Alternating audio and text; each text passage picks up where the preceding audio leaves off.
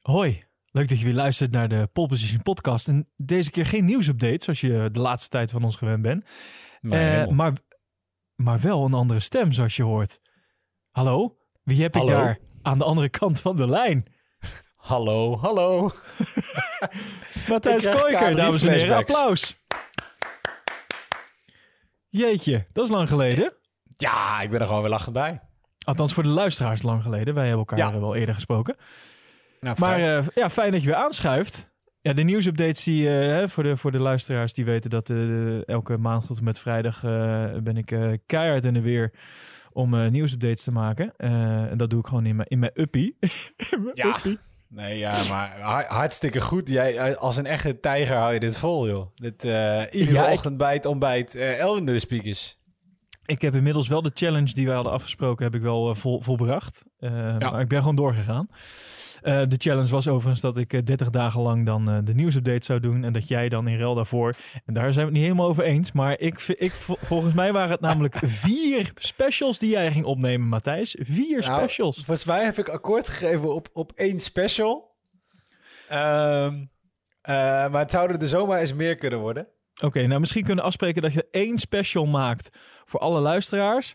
En dat we er dan eh, misschien nog een aantal extra doen voor de petje.afnemers. Misschien is dat, Dat dan een zou goede, goede deal. Nou, dat zou ook nog zomaar kunnen, ja. Ja, toch? Maar nee, ja, de, de specials, ze zitten, ze zitten zeker in de pijplijn. Ze gaan er aankomen. Specials op basis van waar wij afgelopen seizoen mee begonnen zijn. Ehm, namelijk de, de urban legends, de urban myths, de, de stoere, coole verhalen rondom Formule 1.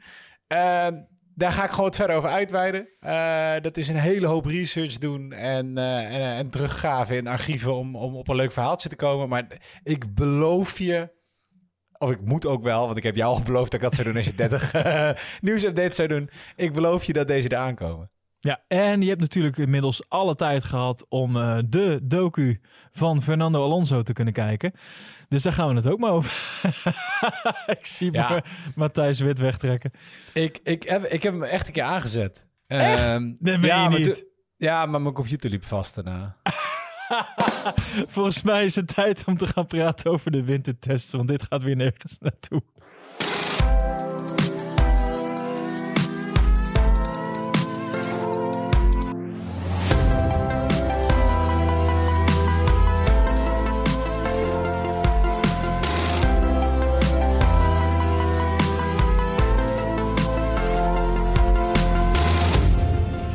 Ja, leuk dat je weer luistert naar een, eh, een nieuwe, normale, reguliere aflevering van de Pole Position Podcast. Met eh, ja, mij, Elwin Kuipers, en aan de andere kant dus Matthijs Koker, die had je al genoemd. En eh, we gaan het hebben over. Ja, we zijn begonnen. Het, het seizoen is echt We zijn begonnen. begonnen. En, ja, we zijn gewoon weer los. er zijn weer auto's op een baan gesignaleerd. En, en niet één, maar alle teams. En dat is in Bahrein gebeurd. En dat heet dan de wintertests. Is het nou wintertestdagen of wintertests of wintertest? Wintertest. Ja, het zijn al, we ga- we gaan al van zes naar drie dagen. Ik vind niet dat we nog het meervoud mogen gebruiken. nee, dat is waar. Wintertest. Nou, daar, stip je al meteen een heel belangrijk eh, punt aan. eh, want eh, nou, buiten het feit dat we het eigenlijk afgelopen jaren altijd in Barcelona hebben gedaan, dit. Is Nou. dat dit jaar dus niet. We zijn, of we zijn, hè, ik spreek even de we voor, maar hè, het Formule 1 De royale. we. het Formule 1 paddock, zoals ze dat noemen, alle teams. Dat is, eh, die zijn afgereisd naar eh, Bahrein om daar eh, de, testdagen te voltooien. En om ook twee weken later de eerste race ook daar te gaan rijden. Dus dat is allemaal gedaan puur om, om de COVID-pandemie die nog steeds aan de gang is. En om het makkelijker te maken voor de teams. Omdat dat ze dan niet hoeven te reizen weer, et cetera. En volgens mij zitten na die eerste race zitten ook echt meer, drie weken tussen. Voordat we weer eh, de nieuwe race, de tweede race hebben eh, op Imola. Dus er zit best wel een lange tijd weer tussen. Maar in ieder geval, eh, dus de testdagen zijn begonnen. Maar minder dagen dus. Ja. Drie dagen ook maar. Eh, en dat, eh, nou, dat, was, dat was toch wel eventjes eh, spannend voor een aantal teams geweest deze, deze dagen. Heb je het een beetje op de voet gevolgd? Of heb je het een beetje zo zijdelings meegekregen? Hoe, hoe heb je dit gevolgd? Ik vind de, de testdagen is altijd een beetje... Van tevoren heb ik er heel veel zin in. En als ik het een uur aan het kijken ben, dan ben ik al Dan helemaal denk klaar je, ik val in slaap. Ja, nou, dat is voor mij een beetje hetzelfde als bij, inderdaad, bij vrije trainingen ook. We denken, oh ja, leuk, Formule 1, en dat zet ik aan. En dan na vijf minuten ben ik wat anders aan het doen. Ehm, dus wat ik wou net juist, ik wou vol trots jou in de reden vallen en zeggen, want wij hebben hier Elvin Kuipers aan de lijn en die heeft ze op de voet allemaal gevolgd. Hij heeft heb, eh, meegeschreven, kantjes twee- vol. 32 uur van mijn leven weggegooid. Na het Ja. kijken van heel veel rondjes. Nee, dat Nee, ja. valt wel mee. Ik heb het, ik heb het niet eh, ik heb het, eh, aangezet. Maar Ja. ik heb het niet eh, altijd actief eh, meegekeken, moet ik eerlijk zeggen. Wel af en toe even meegeschreven en even... Nou, toch even wat kleine dingetjes. Maar ja, dit is... Ik heb het vooral ook, ook bijvoorbeeld aangezet voor het commentaar gewoon. Omdat er ook... Ja, ook voor... Wat ik nog het allerknapste vind, hè, buiten dan Ja. de coureurs... wa- Wat ik nog knapper vind dan wat de coureurs en de teams daar presteren... zijn de commentators die dit drie dagen lang... Vol acht uur per Ja. dag aan elkaar moeten praten. Want dat is echt een vak apart. Als Ja, er niks gebeurt en je moet praten over niks. Iets wat wij dan wel weer heel vaak doen, overigens. Eh, ja, nou ja, kijk, een uur lang hou ik dat best vol. maar niet acht uur lang, drie dagen achter elkaar. nee, ja, dat is... Het is eh, en voor het commentaar geef ik het inderdaad geef ik toe. Dat, dat vind ik eigenlijk leuker. Ook omdat er niet zo heel veel te zeggen valt natuurlijk over, eh, over die eerste paar testdagen. En je weet niet wie, wie sandbagt nou wie. En, en de Sahara sandbagt iedereen.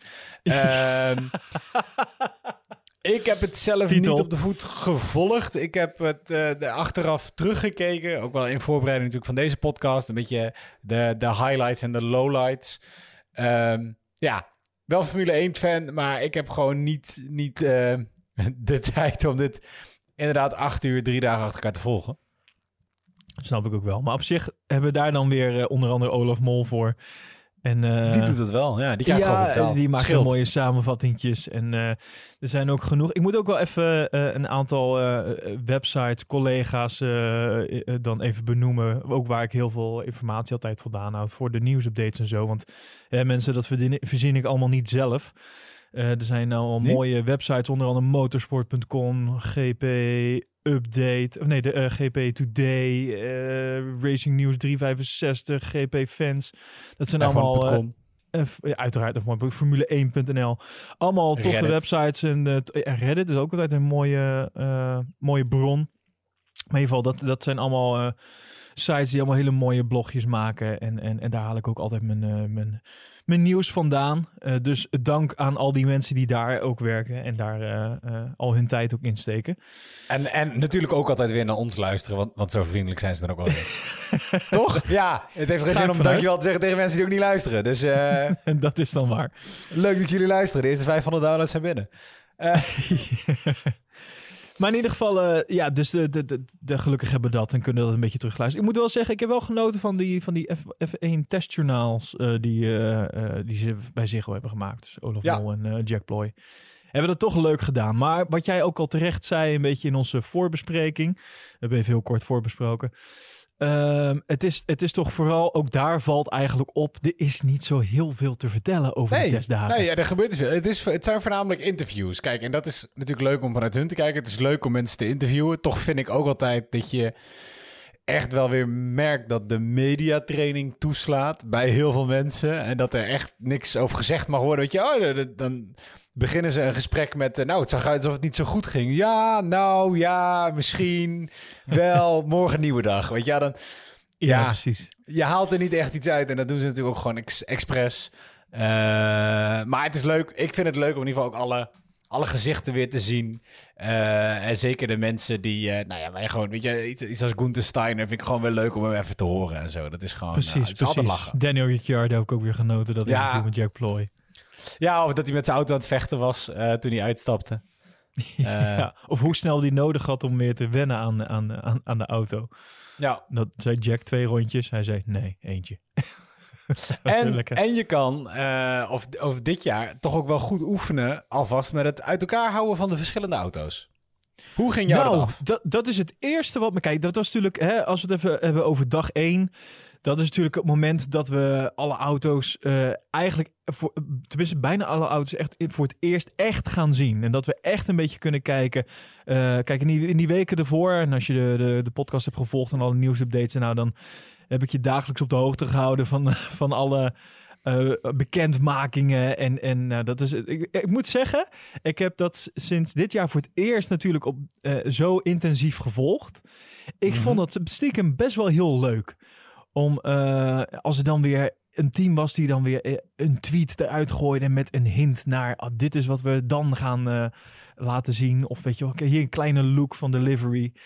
Het is natuurlijk allemaal heel erg komkommer en allemaal heel erg eh niet zeggend. Maar toch heb ik van al die kleine dingetjes eh, genoten. En dan is het wel leuk om dan op die eerste dag even al die auto's voor het eerst te zien. En wat bijvoorbeeld eh, interessant was, is dat Haas zijn auto pas daar op locatie voor het eerst de fire-up heeft gedaan. Dus tot... Wel heel veel- dapper, hè? Ja, dat is heel dapper. Er zijn genoeg teams die namelijk voor die tijd al bijvoorbeeld shakedowns hebben gedaan. Dus de auto al daadwerkelijk eh, eh, ergens eh, hebben getest. Al is het maar voor een promofilmpje. Want dat is, je mag dan alleen maar bijvoorbeeld 100 kilometer rijden met zo'n auto. Omdat je dan promofilms gaat maken. Ehm, maar de, er zijn ook bijvoorbeeld een Mercedes heeft dus geen of geen shakedown gedaan. Hebben niet de auto ehm, ergens eh, getest, et cetera. Dus die hebben dat daar voor het eerst gedaan. Nou, Nou, met als gevolg zou je kunnen zeggen eh, dat zij, nou ja, ze hebben echt wel dit weekend of afgelopen weekend best wel wat problemen gehad en weinig rondjes gereden, omdat ze, nou ja, eh, veel bezig waren met de auto klaarmaken. Begin ook met bakken die niet goed waren, et cetera. Achteraf eh, he- heeft Mercedes, buiten het feit dat ze hebben gezegd dat er ook daadwerkelijk wel problemen waren, eh, hebben ze ook gezegd, bijvoorbeeld eh, in de, op de tweede dag en de derde dag, als ze dan een Bottas of een Vettel een uur nadat de sessie al was begonnen naar buiten kwam zetten, dat ze zeiden nee, dit hoort er gewoon bij. Dit hoort er gewoon bij, een beetje bij het klaarmaken van de auto. En terwijl ja, op, op drie testdagen en als je dan een sessie van vier uur hebt in de ochtend en je gooit al een uur weg, dat is gewoon een kwart van je, van je rijtijd. ja, dat is best dat is- kostbaar. Dat, dat is best kostbaar. Nou kan je zeggen, nou, Mercedes heeft dat niet nodig, want hè, het is Mercedes. Maar ik denk dat dat toch niet helemaal waar is. Want er zijn wel wat veranderingen aan de auto. eh, onder andere door reglementen, waardoor toch weer dingen anders zijn. Hè? Om te beginnen de vloer. Ja. Dat we daar eens over, over hebben. Er zijn heel veel auto's eh, dat, op de plaatjes die van tevoren uitlekten. Of, of eh, de, de liveries die dan bekend werden gemaakt. Op de foto's daarvan was vaak niet zo heel goed te zien hoe de vloer er nou daadwerkelijk uitzag. Dat hadden ze allemaal nog een beetje, dat weten ze dan weer heel goed te doen. Hè? Dan zie je wel een livery, of dan is een auto bekend gemaakt, maar dan hebben ze toch nog bepaalde stukjes even net wat donkerder gemaakt. En dan Ja, zie net je net foto's even niet de weg, eh. contouren lopen. Precies. We hadden, we hadden niet eh, die grapjes eh, die, die vorig jaar wel waren met de reveal-foto's van Alfa Romeo toen, hè?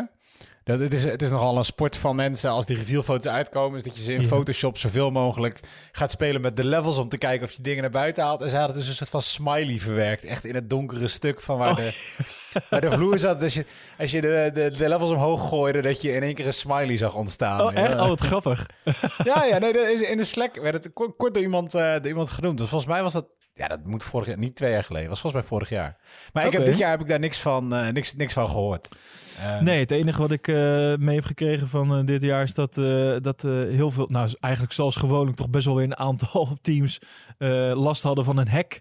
Waardoor dingen eerder naar buiten kwamen. Onder andere was dat ook bij Mercedes uit mijn hoofd. Welke, welk team wordt nou door Kaspersky ge... Ik weet het even niet meer uit mijn hoofd. Maakt ook niet uit. In ieder geval... Ka- Wat Kaspersky is, eh, is niet Ferrari. Is Ferrari, Ferrari. hè? Ja, Ferrari, dat was het. Daar waren al foto's eerder gelekt. Echt een uur voor de presentatie of zo, wat dan ook. Ah, en dat is, toch, dat is toch pijnlijk als Kaspersky dan je hoofdsponsor is. Die dan, Ja. Voor de mensen die het niet weten, dat is een, eh, is een firewall en antivirus. eh ja, die, doen, die Partij, doen alles op eh, cyberveiligheid en dat ja, soort dingen. cyberveiligheid. Maar bijvoorbeeld ook Williams, hè, die, had, die had een heel mooi ding bedacht over... we, we, gaan het revealen met een app. En dan kan je dan in je woonkamer kan je dan de, de, de auto, VR. zeg maar, via AR kan je dat dan... nou, die was, dat was ook niet gelukt. Dus... maar ik vind het wel leuk, al dat soort review dingetjes, wat ze dan toch weer proberen. En zeker nu, hè, heel veel moesten het nu allemaal online doen en via Ja. streams. Ja. Eh, de ene had het echt met een hele show gedaan en de andere weer, ja, eigenlijk alleen maar fotootjes online en, en dat was het. Wel grappig om te zien hoe verschillende, hoe de teams dat een beetje allemaal verschillend hebben gedaan. Ja. Maar Weet jij trouwens, eh, want jij zit natuurlijk vuistdiep in, eh, in het nieuws rondom alle in. Formule 1. Oh ja, Eh, nou word ik op de proef gesteld. Dit is een... eh, Ja, dit, is, dit wordt een strikvraag. Nee, of de liveries ook nog veranderen. Want volgens mij hebben we dit jaar geen echte testliveries. Vorig jaar had Renault natuurlijk de zwarte Renault, ja, eh, die uiteindelijk geel werd. Nou, we hebben nu de blauwe Alpine, die blijft gewoon blauw. precies. Eh, maar ook Wat dacht je bij van de, de Red. Bull? Ja, De Red Bull van vorig jaar, die vond ik prachtig. ja die maar dit, jaar is het volgens mij Nee. Niet. Hè? Het is niet dat ik gehoord heb of ze moeten het als verrassing nog gaan doen. Ja, nee, vooralsnog, eh ik kan me even niet... eh, en eh, maar dat zal waarschijnlijk weer een luisteraar anders zijn die mij corrigeert hier, hierover. Maar eh, voor wat ik even heb meegekregen, is dat niet. Er zijn, het is ook wel een beetje verwarrend, want er zijn natuurlijk ook altijd eh, fans die aan de haal gaan met eh, liveries. Ja. Dus je had bijvoorbeeld je had de delivery van eh, Haas, die natuurlijk eh, in opspraak kwam omdat het eh, de Russische vlag er eigenlijk in staat. Wat dan volgens die reglementen dan wel of niet zou mogen, omdat Russische sporters zo'n ban hebben gekregen. En nou, die moet onder een neutrale vlag uitkomen. En nergens mag de Russische vlag, zeg maar, opstaan. Maar dat mag dan wel weer in de kleuren in de auto verwerkt worden. Dat is dan wel een beetje een grijs gebied. Maar toen was er ook een fan die had er een Duitse variant van gemaakt voor, Schu voor Schumi, voor, Ja. voor Mick Schumacher. Nou, dat is natuurlijk niet officieel naar buiten gebracht. Maar zo zijn natuurlijk heel veel fans die aan, met dingen aan de haal gaan. Die dan, maar wat dan niet officieel naar buiten is gebracht door het team zelf, zeg maar. Nee, ja, klopt. Nee, er worden, er worden altijd liveries, eh, liveries geshopt. Zo ook de eh, Aston Martin livery, waarbij ze in plaats van het roze lijntje dat ze nu nog over de auto hebben lopen, dat ze dat Aston Martin geel maken. Zoals Aston ja. Martin race met een groen-gele kleur. Eh, ja, ik vind het altijd mooi, die kunst op die auto's. Wat mij betreft zouden ze met die auto's bijna mogen doen wat ze met de helm nu hebben gedaan. Als je wil, mag je dat maar iedere keer een andere livery opflikkeren. Ik... Ja, ze lijken nu toch ook best wel op elkaar. Ik mis eh, eh, toch ook wel het fel roze. En het is allemaal een beetje donker. Het is een beetje gauwig nu. Eh, stuk Ja. voor stuk toffe auto's. Maar ik vind het op afstand vind ik het echt nog even moeite om te spotten wie waar Nou, precies zeker. in rijdt. Ik, had, ik zat te kijken, zit ik nou naar Mercedes te kijken of is dit nou een Aston Martin? Oh nee, wacht, het is wel echt groen ook, weet je wel. Dat Ja, is echt even zoeken. Ja. Nee, daar heb je gelijk in. Wat, maar wat vind je overigens dan, laten we dan daar maar gelijk over hebben, de mooiste livery eh, Oeh. van alle auto's? Wel, welke vind je de mooiste? Ik kan je wel vertellen welke ik het lelijkst vind. Oh, nou dat is ook een goeie. Misschien Denk wel leuk trouwens voor de mensen die meeluisteren thuis. Bedenk het ook even voor jezelf. En eh, laat het ons ook even weten. In ons Slack-kanaal. Wat vind je de De- mooiste? Wat vind je de lelijkste? Ja. Ja, ik, ik, ik twijfel. Ik vind, ik denk echt niet mooi. Nou, het is meer als je kijkt naar in verhouding tot vorig jaar, vind ik Mercedes heel erg tegenvallen. Oh, ja? Ik, wat ik, ja, ik vind hem heel druk. En ik Voor jou hem- is het of zilver of zwart, maar niet allebei. Want dat is nu een beetje wat het is, hè? Ja, en het, het, het hele AMG, weet je, die sterretje uit. Het was ook al gefotoshopt waarbij ze dat weg hebben gehaald. Ik vond dat echt al minder mooi. En ik vond wat ze vorig jaar hadden, vond ik echt een stuk, eh, een stuk strakker en een stuk toffer. Eh, en ik vind, de, ik vind de Ferrari vind ik ook niet mooi. eh, dit ja, jaar. Ferrari heeft ervoor gekozen om een beetje van het traditioneel rood naar het Bordeaux-rood over te, Ja. te gaan. Ja, dus de voorkant is veel meer traditioneel rood. En aan de achterkant heb je een overflow hè, richting de airbox. En dan naar de achtervleugel toe eh, wordt het een het Bordeaux-rood. En eigenlijk een beetje de stijl die ze hadden tijdens de, die 100-jarige... ja, de oude Ferrari kleur. Ja, de ja. oude, ja, precies, ja. Ja, dus dat ik en ik vind zeker nou, de toetoon vind ik nog wel gaan over het overloop. Ik vind vooral de, de, het groene logo staat er gewoon echt heel lelijk bij. Ja, dat Mission Eh, Winnow, dat groe- eh, gifgroene... wi- Ja. ik zei ook al in de Slack of ergens eh, dat ik zei van... Het lijkt wel alsof de, iemand een pot verf met de verkeerde kleurcode heeft besteld. Ja, en dat erop heeft gedaan. Het- ja, en dat ze toen zeiden, ja, laat nou maar zitten. Ja.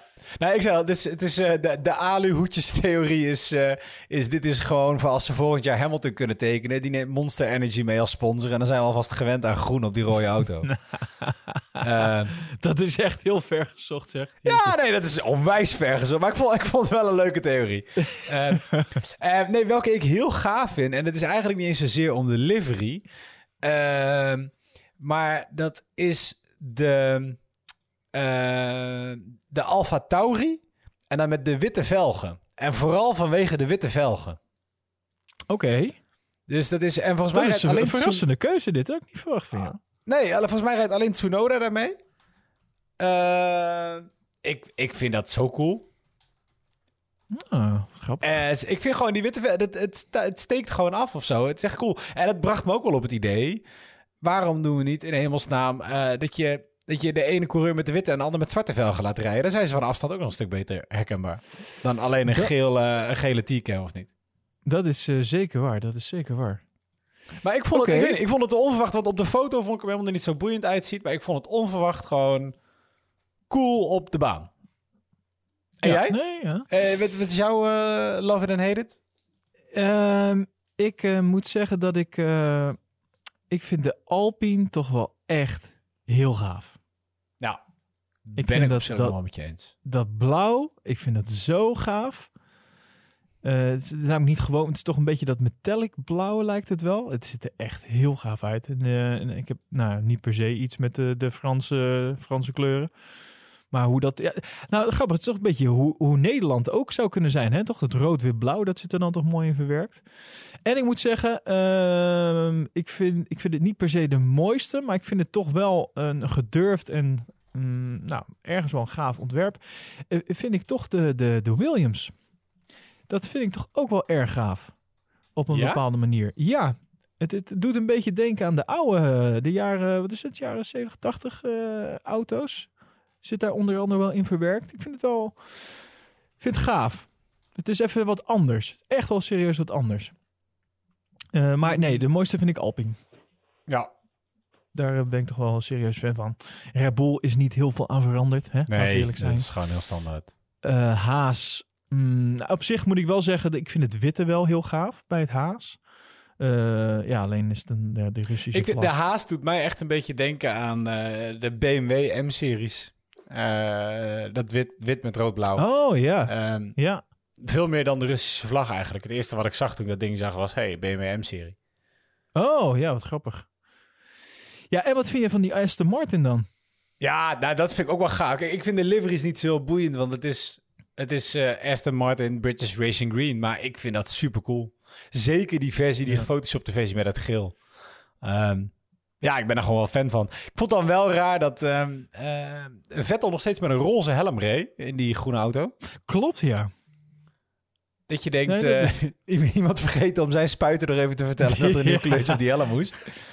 Ehm, maar nee, ja, dat vind ik een hele coole auto. Maar gewoon minder spannend. Ik zeg het waren voor mij de witte velgen van Tsunoda. Dat ik dacht, oh ja, dat ziet er gewoon cool uit. Ik weet niet, het heeft iets Ja. fris en opvallends. Nou, eh, je hebt hem al genoemd, laten we hem dan even bijblijven. Eh, Yuki Tsunoda, ehm, die heeft een hele sterke indruk achtergelaten tijdens de, de tests. Eh, heb je daar wat van meegekregen? Ik heb onder andere het interview ook even gezien bij hem met Jack Ploy. Yuki de Rookie, hè? Is het niet? Yuki, Yuki de Rookies heeft Olaf Mol genoemd, ja. Klopt, Yuki ja. de Rookie. Ja, hij was de één na snelste in het weekend. Nou zegt dat natuurlijk niet zo heel veel bij een test. bij testdagen. Eh, helemaal niet, omdat dit was volgens mij ook de ronde waarbij hij zijn DRS extra vroeg openklapte. Ehm, Ja, dat was een klein trucje wat ze hadden gedaan, hè? waardoor ze ook eh, zo snel eh, waren. ja, meteen op het rechte stuk. Hè, in de testdagen, voor de mensen die dat niet weten, eh, dan mag je de DRS in principe inzetten waar en wanneer je wil. Ehm, en hij deed meteen bij het opgaan van het rechte stuk, klapte hij zijn DRS open. In plaats van dat hij wachtte tot de DRS-zone die een 100 meter daarna begint. Ehm, ja, win je, win je toch een beetje tijd mee. En uiteindelijk zette hij eh, de één na snelste tijd neer. Alleen eh, Verstappen was sneller. Eh, Ja. En het is een kleine, ja, een honderdste scheelt, het 93 honderdste. Ja, nou, maar sowieso, de auto's op zich, eh, die kwamen gewoon heel goed uit de verf. Het zag er gewoon heel goed uit. Ja. Kijk, je kan natuurlijk altijd een beetje... Kijk, belangrijk om te weten voor de bij de testdagen is natuurlijk altijd... Kijk, de, de rondetijden zeggen niet per se heel veel. Eh, het zegt natuurlijk ook niet niks. Eh, maar eh, het gaat vooral om het, het testen van de betrouwbaarheid van de auto. Of de dingen die je in de windtunnel hebt getest, of die dan ook daadwerkelijk kloppen met wat er op de baan gebeurt. Ja. En het is gewoon het, je, zoveel mogelijk rondjes rijden. Dat is wat je wil, want dat is namelijk data verzamelen. En, en daar heb je het meeste aan. Ehm, eh, dus je weet ook bijvoorbeeld niet als iemand, hè, eh, als eh, Max bijvoorbeeld een hele snelle tijd rijdt. Ja, dan is het toch een beetje gokken op met hoeveel benzine rijdt hij dan op dat moment, weet je wel? En dat Ja. bepaalt ook weer welke banden, op welk moment van de dag. Want bijvoorbeeld zo'n baan is eigenlijk een beetje het beste richting het einde van de dag. Dan ligt het meeste asfalt erop, dan is de temperatuur wat gedaald, is de zon weg. Dus dan heb je eigenlijk de, meest, de beste omstandigheden, zeg maar. Dus, eh, want, want die, die temperaturen die verschilden nogal enorm. En ook de wind daar zo had best wel een grote invloed trouwens. Dat, dat Mhm. was een beetje het Ja. verhaal van het weekend. Hè? De, de, de zandstormen op de eerste dag al, onder andere. Er zijn een aantal fotografen volledig gezandstraald. Die, herken je, die worden niet meer terugherkend als ze thuiskomen. Die kunnen gelijk nieuwe apparatuur ook aanschaffen. Ja, matglazen lens op je, op je camera. ja. en, ehm, maar ook de wind eh, die heel veel draaide daar zo. Maar ook temperaturen die, eh, die begonnen op een dag bij, eh, nou zeg 34 of is het, in de 20 graden echt stegen naar hoog in de 30 zeg maar. Wat heel snel ging. Dus ja, dat is allemaal best wel, nou, het heeft allemaal invloed op natuurlijk op wat er, wat er gebeurt zeg maar. Zeker als je heel de dag rondjes aan het rijden bent. Ja. Dus het is moeilijk om te zeggen wat nou, hè, hoe, hoe goed er iemand nou echt voor staat. En dan moet je toch een beetje naar de details gaan kijken. Nou, en wat bijvoorbeeld dus opviel, onder andere bij, eh bij Alfa Tauri dan, is dat, dat die auto eigenlijk best wel gewoon lekker tegen dat asfalt geplakt zit. En dat is ook bij de Red Bull het geval. Ja, ik vond ook Red Bull komt er heel goed uit. Ehm, en toch ook wel omdat Mercedes er gewoon niet zo goed uitkomt... dan denk ik meer mensen hadden verwacht. Eh, Ja. Nou, dat lijkt gewoon een een beetje... een stuk onzekerder. Ja. Ehm, en dat- vind, ik, eh, dat vind ik eigenlijk wel een leuke. De, eh Marcin Bukowski, dat is de directeur van Alpine. Die Ja. deed de uitspraak... It's not a midfield anymore, it's a field. Dus als je kijkt naar de uitslagen van de tests tot dusver... denk jij dan dat hij, dat daarmee echt een punt heeft? Zeg maar, is, is het in plaats van een midfield... is het meer, veel meer gelijk getrokken... of is dit gewoon Frans optimisme wat we terug horen? Ehm, mm, ik denk dat het eh, toch wel wat Frans optimisme is.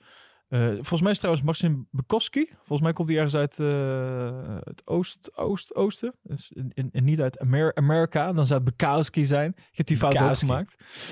Ehm, maar ik denk dat het toch, toch meer... ja, het, het zal wel wat meer, misschien wat dichterbij eh, getrokken worden. Maar dat zal denk ik meer... Bijvoorbeeld een Mercedes die dichterbij... Of een Red Bull die dichter bij Mercedes misschien komt. En een Ferrari die wat meer eh, zal hebben gevonden. Vooral op de rechte stukken lijken zij ineens wat eh, eh, toch meer te hebben. Daar is overigens ook nog een interessant feitje over. Want het schijnt dus te zijn. Hè? Iemand had zich versproken. En is het nou waar of niet waar? Dat is nog steeds een beetje het midden gelaten. Maar het schijnt dus te zijn dat Ferrari is gestraft. Dat zij met minder benzine hebben gereden. Moesten rijden. Hè, dat is een beetje die, die in de doofpot gestopte affaire, eh, in ieder geval regeling tussen de FIA en eh, Ferrari. Dat op een gegeven moment eh, Ferrari natuurlijk eh, op matje moest komen voor eh, het feit dat zij die benzine toevoer eh, op een illegale manier eh, beïnvloeden en eh, controleerden. Eh, en dat zij, het- daar is natuurlijk uiteindelijk eh, is daar allemaal protest op gekomen. Dat moest bij de FIA komen. Die hebben, uiteindelijk kwam er dus een statement naar buiten. We hebben het met elkaar opgelost. Ja, En, en dat was het. En niemand weet wat er is gezegd en hoe, en, maar het is opgelost, zeg maar. En er is een straf uitgedeeld of zo. Maar niemand weet wat en hoe. En het schijnt dus nu te zijn dat Ferrari dus afgelopen seizoen met minder brandstof moest rijden. Dat dat een van de straffen zou zijn geweest. Ja. Maar dat het allemaal een beetje, nou... Dat zou betekenen dat ze dus dit jaar eh, ineens weer een stuk meer... Want ja, als je met minder brandstof rijdt, moet je dus zuiniger gaan rijden. Moet je, kan je ja, minder... vermogen automatisch terugschroeven. Ja. Precies, precies. Dus dat zou betekenen dat ze dus dit jaar ineens weer een stukje erbij gaan krijgen. Nee, het, ze hebben in ieder geval iets op de rechte stukken gevonden. Eh, of dat nou dat stukje is dat ze ineens weer meer benzine mogen gebruiken of niet, we weten het niet. Nee, nou, Maar Julia, eh, dat zou ervoor kunnen dat Ferrari in ieder geval weer dichter eh, naar boven toe klimt. En ik weet niet of dan het, het veld gelijk getrokken wordt. Ik denk dat er juist weer de, groepjes iets meer verdeeld worden. Dus iets meer een kopgroepje en iets meer een ondergroepje, zeg maar. Oké, ja, Giuliano Ducessa is een, eh, een bekende eh, Ferrari-source. Over het algemeen heel goed geïnformeerd. Eh, hij wist wel eens vaker dingen over de, de livery voordat ze uitkwamen. En ook over het wel of eigenlijk het, het, het niet-ontslag binnen de, binnen de Ferrari-top. Die geeft aan dat Ferrari 40 pk zou hebben gevonden ten opzichte van vorig jaar. eh, in de motor. Oké, Ehm, dat is veel. en- Klinkt een beetje als, eh hoe heet die, die weg is? Uh, Abitable. ja, Die had ook eh, 90 pk gevonden ergens, toch? Nee, ja, maar laadje. goed, kijk, Giuliano Giussessa, hij, is, hij werkt verder niet voor Ferrari. Ja? Hij is gewoon een, Nee, een, een semi-informant. Eh, en, en Ferrari heeft wel... eh, had vorig jaar liep ongeveer 30 pk achter op Mercedes. Nu is Mercedes, wordt gegokt, eh, 20, 30 pk erbij. Dus ze zouden er nog steeds voor lichten. Maar het gat zou nog maar een 10 of 20 pk zijn. Meer wat het normaal was ten opzichte van wat we vorig jaar hebben gezien. Ja, precies. Ehm, dus ik denk dat dat wel een hele interessante eh, is. En ik had ook inderdaad het idee dat op de rechte stukken lijkt Ferrari gewoon weer wat meer mee te doen. En kunnen ze hopelijk, ik bedoel, een kampioenschap zal het nooit worden, maar hopelijk wel gewoon vechten voor podiums. nou, eh, Binotto was eh, positief, las ik. Ja, ja, nee, daarom. Eh, goed. Het is natuurlijk altijd een beetje de vraag, de vraag wie nu niet positief is. Ja, ik nou ja. hoorde zelfs Nou, Vet- ja, Vettel redelijk positief zijn. Toto was niet positief. Nee. Maar denk je dat dat wel- sandbaggen is? Of denk je dat dat... je, je wordt Ja. niet zeven keer wereldkampioen als je niet weet wat je aan het doen bent. Mm, eh, dat is waar. Daar heb je gelijk in. Eh, aan de andere kant, eh, ja, misschien zijn ze toch wel verrast. Ja, je, het zou, het, je zou zeggen... Kijk, ik denk dat zij toch ook al veel meer met, eh, met volgend jaar weer bezig zijn. Andere, andere reglementen, weer andere motor. Nou, nou, in ieder geval dat ze daar al hun, hun pijlen op hebben gericht. Ja. Dus dat ze dit een beetje hebben gelaten voor wat het is dit jaar. Ja. Nee, Ehm, en ik denk dat ze daar misschien, nou ja, behalve dan de vloer, die moest natuurlijk anders. Dus dat heeft wel weer invloed op je downforce, et cetera. Dus er is zeker wel wat gedaan aan de auto. Maar ik denk dat er toch minder energie en tijd is gestoken dan misschien een ander team zou hebben gedaan. Bijvoorbeeld eh, een, een, Red Bull is natuurlijk Honda, daar het laatste jaar. Eh, die zal natuurlijk nu alles wat zij ooit eh, hebben bedacht, wat zij nog in de toekomst wilden gaan doen, zullen ze nu denk ik op één hoop hebben gegooid en gezegd, jongens, we gaan nu gewoon al in. Alles wat we nu weten, wat we nu hebben voor die motor, laten we het er nu in gooien. Ik, ik denk dat die met een bang eruit willen nog. dat zou eh, wel leuk zijn. Dus ik, dus ik, ik denk dat er per team wel echt wel verschilt hoe zij zeg maar de ontwikkeling voor de auto voor dit jaar hebben gedaan. Haas, Haas weet ik ook, die hebben ook eigenlijk al gezegd van joh, het zal wel. We doen volgend jaar. Ja. Ja, precies. Dit is even doorkomen. En eh, ter- terwijl Ferrari toch wel, ook al hebben zij al uitgesproken eerder van, joh, eh, hè, volgend jaar moet je ook niet opletten, we gaan pas weer 2022 meedoen. Ik denk dat zij toch wel eh, meer hun pijlen nog hebben gericht op dit jaar. Om ja, toch ook een beetje eer te gaan redden. goed, eh, Nieuwe rijder ja. erbij. Je moet toch wel een beetje. Dus ik denk dat het per team toch best wel verschillend is. Eh, Denk bijvoorbeeld aan een Aston Martin. Die ineens een hele switch in, überhaupt qua team hebben moeten maken. En eh, die hebben toch weer een hele andere... en een McLaren die ineens een Mercedes motor erin heeft liggen. Dan ga je toch ineens Ja. een hele andere... Die hebt toch een andere focus, zeg maar, dan bijvoorbeeld weer een Mercedes. Ja, heb jij, de, heb jij de McLaren eens even goed in de kont gekeken, of niet? Ja, ik denk, ik, die heb ik wel goed door de kont, in de kont gekeken ook. Ja, denk, jij, jij bedoelt die achterkant met de diffuser en zo zeker? Ja, klopt. Ja, er zijn een aantal dingen die natuurlijk altijd opvallen bij eh, auto's. Hè. Vorig jaar hadden we het DAS-systeem. Dit jaar toch wat je wel een beetje eh, hoort is, is de kont van de McLaren. Er ligt een andere motor in. Ehm, McLaren heeft daarbij een andere eh, versnellingsbak. En die hebben ze op een manier ontworpen. Ik heb geen idee hoe. Ehm, waardoor die korter is of schuiner afloopt dan dat de versnellingsbak normaal doet die er achter onderuit zit. En daardoor is die kont dus echt anders. Die diffuser, in plaats van dat Precies. eigenlijk meer recht naar beneden loopt, hapt hij een beetje in. Ja. Ehm, toch wel tof vind ik om te zien dat, eh, dat, dat, ja, dat ze ook alweer op die manier proberen opnieuw naar een auto te kijken. En dat eigenlijk niemand anders dit heeft gedaan. Niemand hier aan heeft gedacht. En waarschijnlijk ook niemand Nee. het na gaat doen. Omdat ze gewoonweg de tokens niet hebben. Hè, dit jaar ook nieuw. Om die kont na te gaan lopen maken. Nee, dat is dat, goed wat je het zegt. Je, als elk team heeft zeg maar twee tokens die ze kunnen inzetten voor bepaalde aanpassingen aan de auto. Met als eh, doel eigenlijk dat, dat je niet zomaar heel dit jaar door dingen kan aanpassen aan die auto. Wat het hè, wat spannender zou moeten maken. Ja. Eh, met als gevolg dat als jij dus eh, bijvoorbeeld al tokens in het voortraject hebt uitgegeven, hè, zoals bijvoorbeeld een McLaren dus heeft moeten doen om die auto eigenlijk aan te passen naar de nieuwe motor en et cetera. Eh, maar ook andere teams hebben dat misschien moeten doen voor andere aanpassingen. Ja, dan kan je niet zomaar eh, nu in het met seizoen, als jij bijvoorbeeld al één token hebt uitgegeven, ja, dan mag je dus nog maar één token uitgeven om nog een aanpassing te doen. Of als jij al twee hebt uitgegeven in het voortraject, eh, hè, tijdens de winter, dan mag je dat nu niet meer dadelijk doen. Ja. Dus dat is bijvoorbeeld de reden dat, dat wat McLaren dus nu heeft gevonden, wat dus nu een beetje wordt onthuld. En dat is wat ik er net ook bedoelde met bij de, hè, als die auto's worden onthuld. En McLaren had best wel een een goede livestream met, met toffe foto's en alles. Maar dan zie je toch niet hoe die achterkant, hoe die komt dan. Hè? Dat is dan toch allemaal nog even een beetje geblurred of net even niet duidelijk gemaakt. Ja. En, dat wordt, en nu valt dat dus nu op, omdat die auto's daadwerkelijk op die baan staan. Uh, maar ja, dat is dan toch iets wat andere teams nu zien van, oh wow, dat kan interessant zijn. En voorheen zou je dan kunnen zeggen, nou, dat gaan we ook proberen.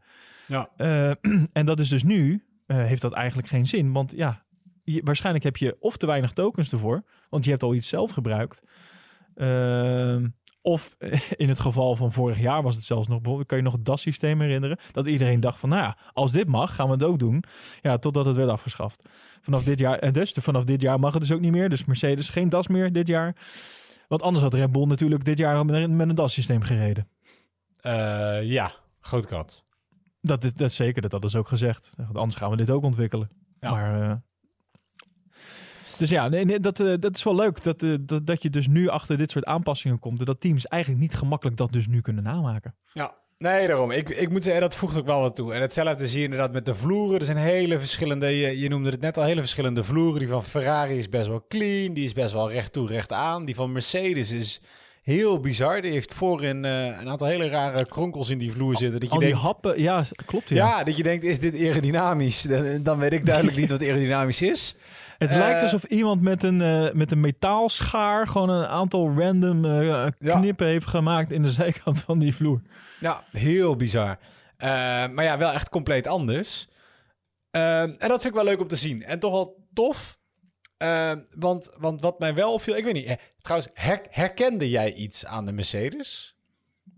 Herkende ik iets aan de Mercedes? Ja, herkende jij zomaar iets aan de Mercedes? Oeh, ik weet niet waar je nu op gaat, uh, waar je nu op doelt. Uh, dus ik, nee, ik heb, Nee. ik heb, ik heb herken denk ik niet wat jij bedoelt.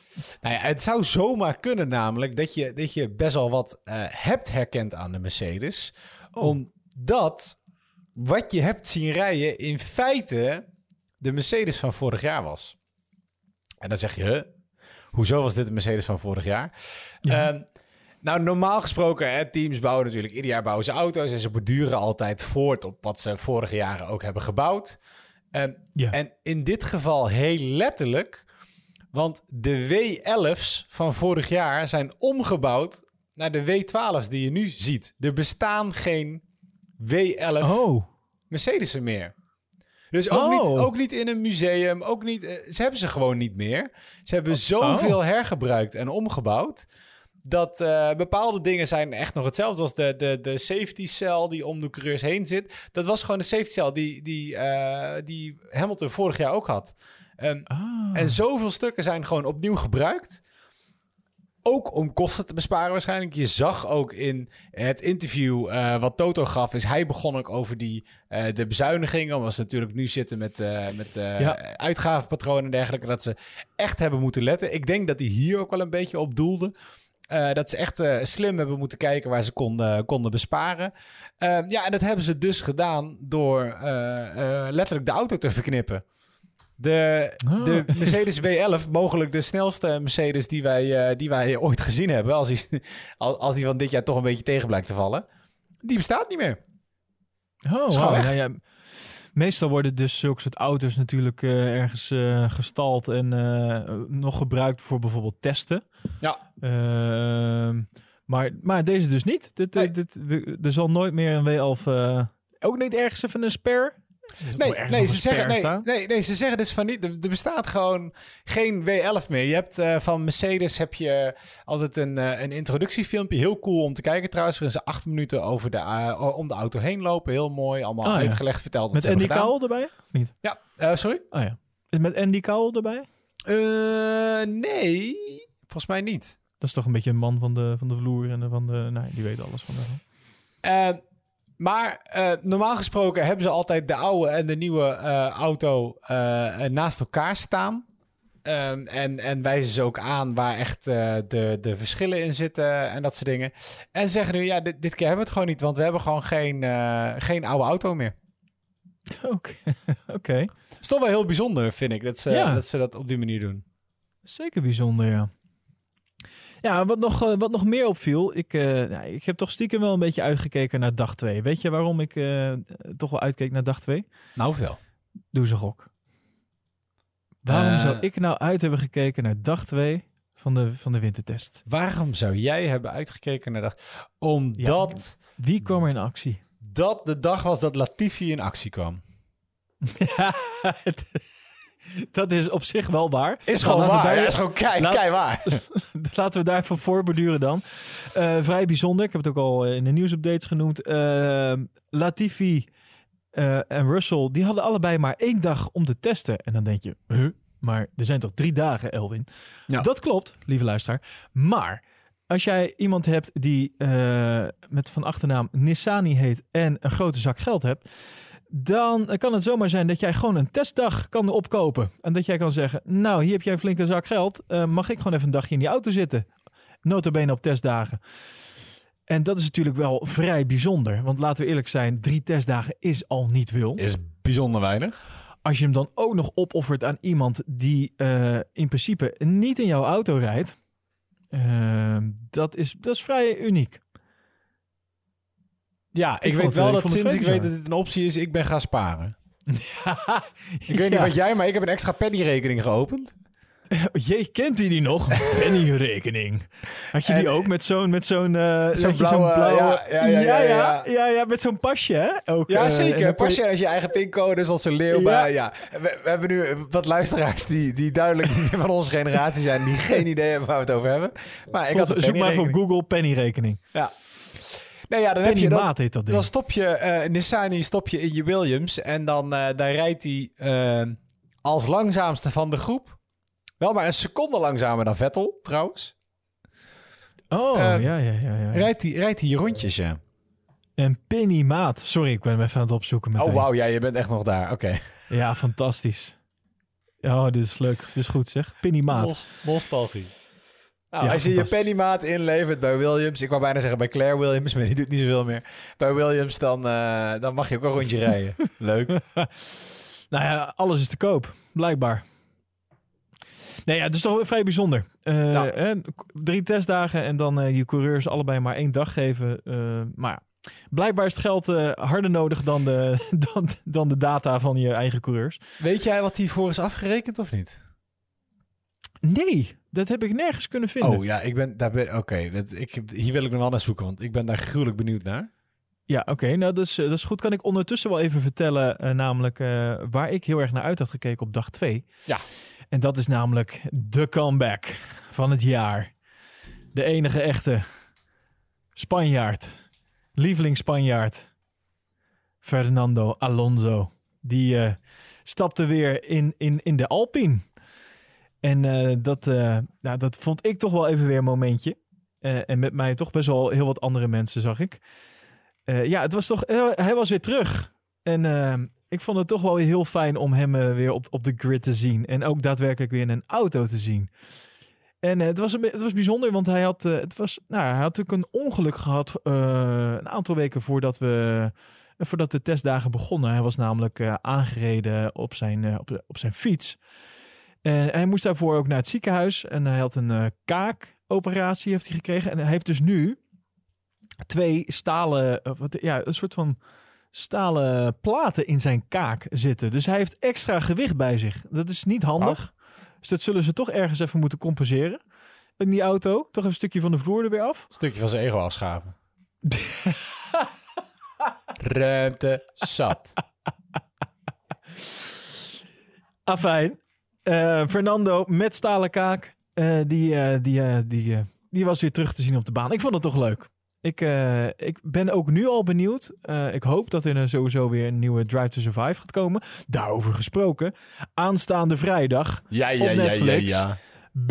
Ze allemaal. Het nieuwe seizoen van Drive to Survive. Met het, uh, natuurlijk het knotsgekke corona-jaar uh, vorig jaar. Uh, als je de trailer hebt gezien, nou, ik heb alweer moeten lachen om Gunther Steiner. Fantastisch. Ja. Wat een, wat een toch, toch een beetje de held van iedereen geworden door die serie. Um, maar, maar, in ieder geval, ik, ik ben heel benieuwd. Ik ben al benieuwd naar het volgende seizoen Drive to Survive. Omdat ja, Fernando Alonso er nu in zit. Dat is toch, dat is toch altijd voer voor, voor commercie, voor, voor mooie uitspraken. Ik weet niet, ik vind het toch altijd weer. Er was weer een persconferentie, werd hem weer iets gevraagd. Natuurlijk een beetje naar de bekende weg. En hij gaf daar een beetje een Kimi Raikkonen antwoord op. Zo van, ja. en toen dacht ik, he is back. ik, ben, ik ben heel benieuwd. Trouwens, wel grappig. Ik heb een foto uh, op internet gevonden van uh, Fernando en van Ocon. Uh, allebei ongeveer op hetzelfde punt genomen in een Formule 1 auto waar ze in zitten. Dan zie je het lengteverschil tussen die twee. Oh. Dat is bizar. Het scheelt 6 centimeter als ze zitten. Je ziet echt... Oh, dat is... de helm van Alonso komt er niet eens... Ah, ja, Alonso is de kleine van de twee. Ocon is best wel een lange. Ehm, Alonso komt gewoon niet echt niet boven de... Nou, hij kan net over de rand kijken. Uh, is het zo erg, ja? Niet boven de halo uit. Ja, en je ziet bij, bij Ocon zie je echt gewoon de helft van zijn helm... zie je gewoon boven het achterstuk van het halo uit, uitsteken. Het zegt, ik kan je de, ik kan je de foto sturen. Het is, het is, ja, ik denk dat we hem ook wel op de, op de socials kunnen gooien. Ja, um, ik zal hem in de show notes even zetten. Ja, en in de show notes. Uh, het verschil is echt bizar. Dat je denkt, dit is gewoon dezelfde auto, joh. En waar ook opviel is bijvoorbeeld uh, uh, Sebastian Vettel. Die zat, die zat vrij rechtop in zijn auto. Een hele andere positie als dat hij in zijn Ferrari had. Zou oh. het zijn dat hij zijn schouders ermee onder heeft gezet weer? Nieuwe ronde, nieuwe kansen? Of, uh, of dat er daadwerkelijk gewoon uh, iets aan de auto anders is, waardoor hij ook anders in die auto moet zitten? Of zouden ze gewoon altijd een verkeerd stoeltje voor hem hebben gehad bij Ferrari? Wat, mij vooral, wat mij vooral opviel is dat hij nogal kort in de auto zat. Maar, uh... ik moet echt weer even mijn, uh, mijn gelijkjes erbij pakken, mensen. Waar zit hij? Nou ja, dat is waar, want uh, op dag twee had hij, even denken, na zes rondjes moest hij al naar binnen. Want er waren problemen met de versnellingsbak. En uiteindelijk, want het kan, als je problemen hebt met die versnellingsbak, dat kan, dat kan een elektronisch ding zijn. Nou, in het beste geval is dat het. Want dan hoef je namelijk niet dat ding eruit te halen en te vervangen. Dat was helaas bij Aston Martin niet het geval. De hele bak moest eruit en werd vervangen. Wat er uiteindelijk voor zorgde dat hij in die ochtendsessie, nou, zeven minuten voor tijd nog een keer de baan op kon. En nog een paar rondjes eruit heeft gepoet. Maar dat, nou, dat was nou, een beetje huilen daar zo. En ja. hij had maar anderhalve dag om te testen. Dus als jij dan alweer de hel, halve dag weggooit daarmee, dat is toch vervelend. Ja, dus dat nou, wat hadden we verder nog wat opviel? Uh, Sergio Perez, die verloor even de, zijn halve Red Bull. Of tenminste, nou, dat zeg ik wel heel erg uh, overdreven. Zijn engine cover, die verloor die. En het is toch altijd weer mooi als zo'n, als zo'n auto dan naar binnen wordt ge, gereden. Dat dan, ja, niemand mag natuurlijk zien wat er allemaal onder, de onder die engine cover, zit. Namelijk de oude Red Bull. Een oude Red Bull. Ja. Een oude Mercedes misschien. Maar in ieder geval, dus dan zie je altijd gelijk 30 man voor die, voor die auto zo voor, voorbij. De, als een soort van uh, levende, levende schutting er voorbij lopen. Vond ik grappig. Um, en wat verder opviel op de tweede dag is... Dat was de eerste dag eigenlijk dat we pas uh, de softbanden een beetje uh, werden gebruikt. Ja. De eerste dag was het echt vooral hard. En, en echt sporadisch werd er een mediumband uh, tevoorschijn ge getrokken. Maar het meeste was dus de... de in de tweede dag werd er pas eigenlijk de, de softband gebruikt. En werden dus ook snellere tijden gereden. en wat opvallend was dat alle teams die hadden twee, twee testbanden ook. Uh, Pirelli heeft namelijk uh, twee uh, fabrieken. Mm -hmm. Eentje in Turkije en eentje in Roemenië uit mijn hoofd. Ga ik zo even opzoeken voor zekerheid. Um, maar in ieder geval, ze wilden dus dat teams ook daarmee gingen testen om te kijken hoe die banden zich tot elkaar verhouden. Kwaliteitsverschil. Dus dat ook daadwerkelijk. ja, toch? Kijken of je niet, niet, niet Turkse namaak krijgt uiteindelijk. Oh, maar ik heb je gemist, Matthijs. Dit is toch wel anders dan dat je je, je eentje nieuws op dit doet. Dan kan je dit, heb je dit soort dingen niet. Ja. ja. Maar uh, nou ja, in ieder geval uh, ze wilden dus kijken of, uh, of daar dus verschil in zat wat betreft, nou ja, of ze wel dezelfde kwaliteit banden bijvoorbeeld leveren. Ja. Oké, Dus dat, dat vond ik ook wel een interessant, eh, leuk feitje. leuk. Eh, Nee, nog, ja. nog, meer, nog meer feitjes? Nou ja, ik heb wel een feitje. Als in, eh, kijk, we hadden het er net over. Vettel, die, eh, ik weet niet of hij zijn schouders eronder heeft gezet of niet. Maar ik, ik vond, op mij kwam hij een beetje eh, zielig over. Of althans niet echt als een, als een kanshebber nu. Misschien ook vanwege zijn roze helm en zijn groene auto. En de weinig rondes die hij heeft gereden. En ik ben niet de enige die daar zo over dacht. Ehm, want ook dit jaar beginnen wij ehm, als traditie, volgend op vorig jaar, met F1 Fantasy. Oh ja. F1 Fantasy Pool. Ehm, Vettel eh, en oh ja, iedere coureur bij F1 Wat Fantasy. is het trouwens? Wat is F1 Fantasy voor de mensen die dit Sorry, wat is F1 F1 Fantasy? Betekent wij maken een pool. Eh, je kan zelf je eigen team samenstellen met een eh, budget van 100 miljoen. Ik heb het thuis niet liggen. Ehm, en als je Dus- eh, voor die 100 miljoen kan je een aantal rijders kopen en je kan een team kopen. Of eigenlijk, ja, die, die selecteer je. En op basis van hoe die het natuurlijk in het echt doen, win jij punten en kan je uiteindelijk eh, de competitie winnen. Er zitten nog allemaal regels vast. Je hebt turbo-drivers, je kan mensen inwisselen, enzovoort, enzovoort. Eh, maar die maken altijd ja, natuurlijk een inschatting op basis van hoeveel geld een team waard is, afhankelijk van de winkansen van dat team. Nou, vorig jaar werd ik trots tweede. Erik werd eerste. Gefeliciteerd, Erik. Ehm, en dit jaar gaan we een nieuwe pool doen. En je ziet dan ook altijd een beetje hoe worden teams en hoe worden mensen ingeschat door F1 Fantasy, wat gewoon van, van, van F1.com is, weet je, van Formule F1 1 TV. zelfs, ja, klopt ja. Eh, als je het lijstje afgaat, dan staat Vettel op de zevende plek. Zevende plek. Ja, dus Oké, dus nou... hij is de eh, helft waard Hamilton van Hamilton. Ja, wat zeggen, Hamilton staat voor hem. Max staat voor hem waarschijnlijk. Bottas staat voor hem. Ja. Eh, Ricciardo staat ja, voor hem? Ricciardo is het voor hem. Ehm, even denken. Perez Eh, staat voor Perez hem. staat voor hem natuurlijk. En dan Ja, hebben we nog Perez. eentje, nog eentje ervoor. Eh, laat me denken, laat me denken, laat me denken. Ehm, ja. Nou, beter dan Vettel. Zijn oude teamgenoot.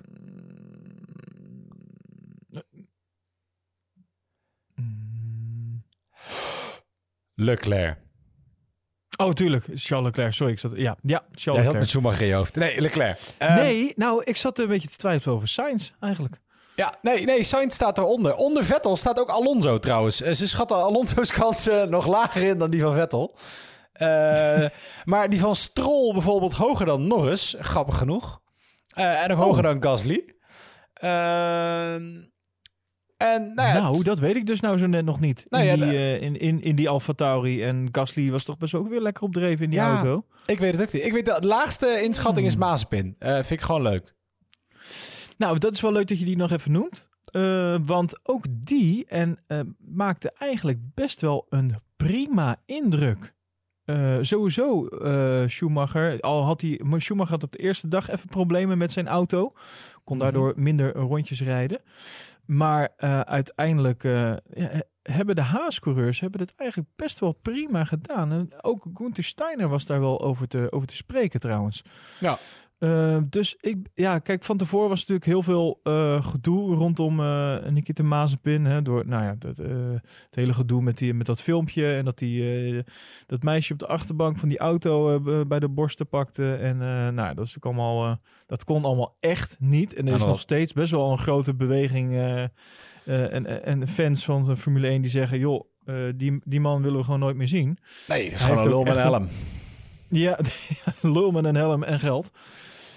Eh, en ook, eh, hij heeft of- officiële, volgens mij heeft hij een officiële waarschuwing daarvoor gehad. Of iets dergelijks. In ieder geval, er is ook wel gedreigd van, eh, mocht er nog een keer iets gaan komen, dan heeft hij echt serieus een probleem.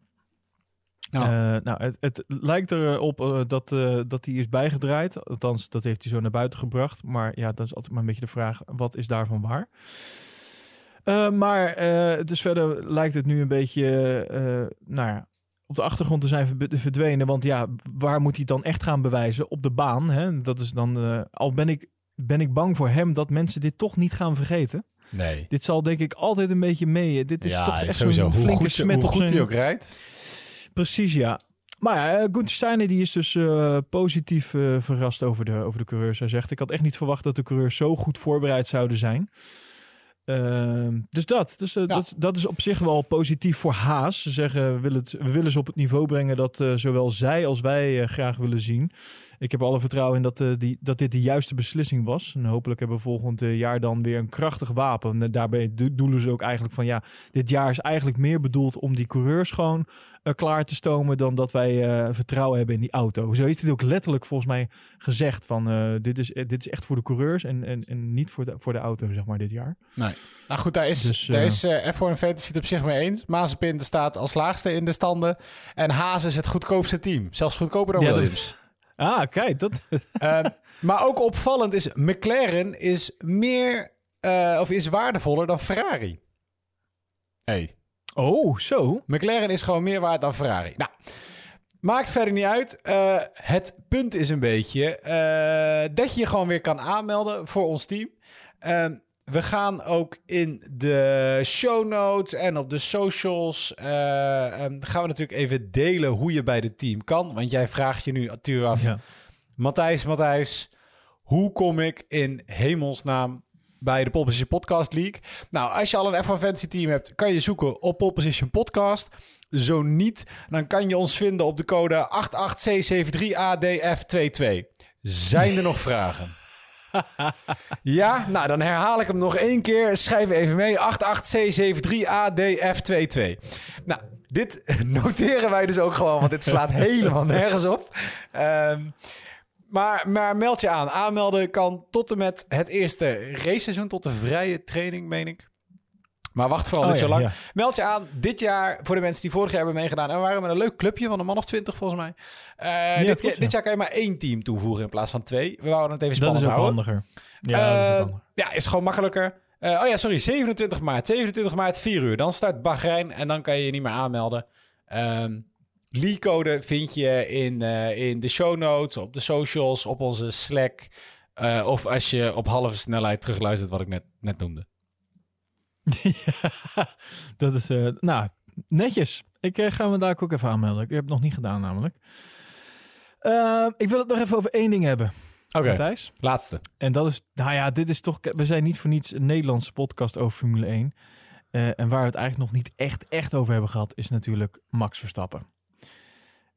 dus laten we het daar nog heel eventjes over hebben. Want ook Max kwam eigenlijk best wel, nou, Red Bull op zich kwam goed uit de verf. Uh, Perez, die uh, nou, kwam ook best wel goed uit de verf, moet ik zeggen. Al zegt hij zelf van, ik heb echt nog wel even wat races nodig om een beetje te wennen. Ja. Uh, wat op zich natuurlijk ook niet gek is, hè, gezien die korte testdagen en het feit dat hij nieuw in een Red Bull stapt. Al moet ik zeggen dat, heb je dat, die, die docu gezien? Ik, ik had een mini-docu benoemd in, de, in, de, in een van de nieuwsupdates. En dat is een mm, docu nee, die is niet. opgenomen op Silverstone tijdens die, die test die ze moesten doen. Uh, waar hij uh, dus voor het eerst in een Red Bull stapt. Dat, was, dat is een leuke docu. Een beetje een, een soort van mijn eerste werkdag bij. okay. Ja, is toch een. Maar dat is, was leuk gedaan. Het is leuk om, uh, om te zien hoe hij dan die eerste meter zeg maar, maakt. In, het is wel een oude Red Bull op dat moment, volgens mij. maar to, toch leuk hoe die dan... ja, de communicatie in dat team, hoe dat dan gaat. Hoe die een beetje wordt geïntroduceerd overal en zo. En, leuk. Zag er leuk uit. Maar in ieder geval, uh, de, de buitenlandse pers, die zijn allemaal eh, best wel super positief over wat Red Bull heeft laten zien. Oké. Okay. Um, zo stond in de, de Telegraph dat... Even kijken hoor. Voor de testdagen zou het een succesvol jaar zijn geweest als Red Bull Racing een aantal races uh, meer dan die twee van 2020 zou hebben gewonnen. Uh, het optreden in Bahrein heeft echter hoop, gewer uh, hoop gewerkt, met name nu uh, Mercedes het zwaar heeft. Dan is het een beetje de vraag, is het nou omdat Mercedes nu minder lijkt te gaan, dat Red Bull daardoor automatisch nu uh, wat hogere ogen gooit? Of is het daadwerkelijk Red Bull zelf die wat heeft gevonden? Het, het lijkt het eerst een beetje te zijn namelijk. Doordat ja. Mercedes, uh, nou ja, dan is de vraag, is het sandbag of niet? Nou, de Corriere dello Sport die zegt over de nieuwe motor, de rijders, de capaciteit van de wagen. Uh, het, uh, alles wijst erop dat, uh, dat we een nieuwe favoriet hebben voor 2021. Letterlijk, een nieuwe favoriet. Dus die hebben ook hoge, hoge verwachtingen. En eh, bij de La Gazzetta dello Sport zeggen ze... de laatste testdag heeft laten zien... dat zij de grootste kanshebbers zijn... voor de overwinning tijdens de eerste Grand Prix van het jaar. Ja. Mercedes die je kent eh, natuurlijk zijn eh, slechtste start in eigenlijk acht jaar. Want, want dat is het ook hè. We hebben bijvoorbeeld eh, Mercedes ook nog langs de, of, Hamilton langs de baan zien gaan. En vast zien staan in het grind, waardoor er nog een rode vlag kwam. Ja. Onder andere. Nou, dat is echt in de afgelopen jaren hebben we dat nooit gezien tijdens de testdagen. Dus dit, er lijkt toch daadwerkelijk iets aan de hand te zijn. Of hij heeft hem de expres even eraf gegooid, maar dat lijkt me sterk. Maar eh, nou, het, het, het schijnt toch die stabiliteit eh, van die auto, dat schijnt best wel een ding te zijn. Nou ja, ik, Dus eh, iedereen positief over Red Bull. Ja, ik ook. Ik, ik denk echt dat, dat, dat Max dit jaar... nou ja, de kamp- kampioen is natuurlijk altijd ver om te, om te zeggen. Zeker naar wat we nu gezien hebben. Maar als je kijkt met hoeveel vertrouwen die rijdt... en, en het feit dat Mercedes gewoon... tenzij ze sandbaggen... in ieder geval minder goed voor lijken te staan... dan dat ze vorig jaar zijn geëindigd... geeft, eh, geeft de burger moed. Ja, precies. Nou, ze, zijn zelf ehm, iets wat teruggehouden door te zeggen... ze zijn gewoon tevreden, maar ze zeggen... maar er waren wel wat problemen. Hè? Is dat, dat voelt dan toch een beetje als dat eh, eh, s- sandbaggen. Zou je kunnen zeggen. Aan de andere kant, Hamilton heeft ook gezegd... Verstappen ziet er sterk uit. Geldt ook voor Perez. Dus, eh, maar Hamilton heeft ook weer gezegd... Red Bull mag voor mij de favoriet zijn hoor, als ze dat willen. Het is wel lekker een beetje dat over en weer gooien van van zand en van eh, een beetje steken. Zo. Eh, Verstappen heeft natuurlijk ook een nieuwe eerste coureur gekregen. Of eerste, eerste coureur, eerste monteur gekregen. Dus daar, daar zit ook weer verandering in. Misschien dat daar nog wat extra goede dingen uitkomen. Je weet het nooit. Nee. Afijn. Genoeg, Nou, dat waren een genoeg beetje wat de testdagen. Ja. Het, eh, ik, eh, het, het, het- uiteindelijk, de conclusie, zoals alle testdagen. We, hebben- we weten het niet. We zien het, we zien het in we, Bahrein. gaan het, we gaan het dadelijk zien tijdens de kwalificatie in Bahrein. Want daar gaan we eigenlijk pas zien hoe het allemaal voor staat. Eh, Wel ook nog- trouwens eh, nu grappig, omdat we beginnen in Bahrein. Dat we beginnen bij eh, de plek waar we nu ook testen. In plaats van dat je normaal gesproken natuurlijk testen in Spanje en als eerste rijdt in Australië. Ja, precies ja. Dat is wel echt Dat zou anders. Precies, dat klopt. Nou, wat je ook zegt, op een gegeven moment de condities waar de auto's op een gegeven moment reden tijdens de testdagen, waren ook letterlijk een beetje de con- condities die eh, tijdens de kwalificatie zouden gaan Ja. zijn. Qua tijd klopte dat allemaal precies. Qua, nou ja, dan kan je eruit gaan dat die temperaturen ongeveer hetzelfde zijn, et cetera. Eh, ik ben benieuwd of het dan ook een zandstorm zal zijn. De wind, nogmaals, de wind heeft best wel veel eh, invloed gehad. Eh, dat was, oh ja, dat was ook grappig. Yuki Tsunoda die noemde dat nog. Wat, van, wat heb je nou het meeste geleerd hier zo dit weekend? En dat is de invloed van de wind op de auto. Ja. Want de ene keer kwam die vol in je gezicht en de andere keer kwam die vol in je rug. En eh, nou ja, dat is toch wel... eh, dat is even een klein verschil. Eh, en verder nog, nog een kleine, kleine, kleine trivia. Wie denk je dat de, de meeste aantal kilometers hebben gemaakt? Meeste kilometers. meeste aantal kilometers gereden. Ik weet dat Raikkonen er heel veel heeft gedaan. Dus, dus misschien Alfa Romeo? Dat, dat klopt.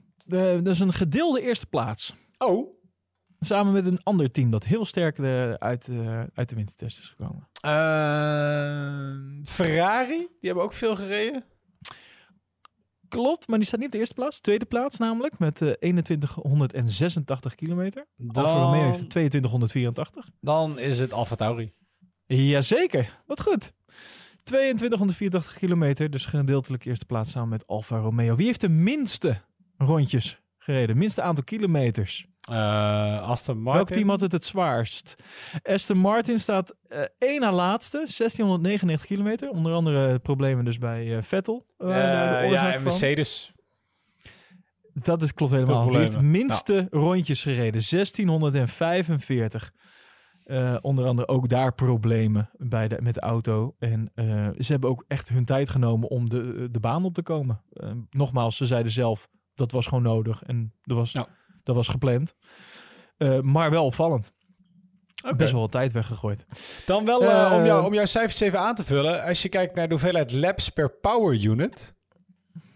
welke power unit... hoeveelheid laps per power ja, unit. welke power unit heeft de meeste laps gereden, denk je? Je bedoelt, je bedoelt de motorleverancier Ja, ja. dan, denk ik. Dat, dat is dan wel Mercedes, want McLaren rijdt met Mercedes. Mercedes zelf rijdt met Mercedes. Ehm, wie rijden nog meer met Mercedes? Even denken. Ja.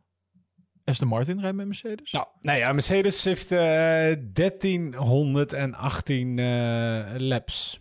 Eh, dus heeft verreweg, verreweg de meeste laps gereden.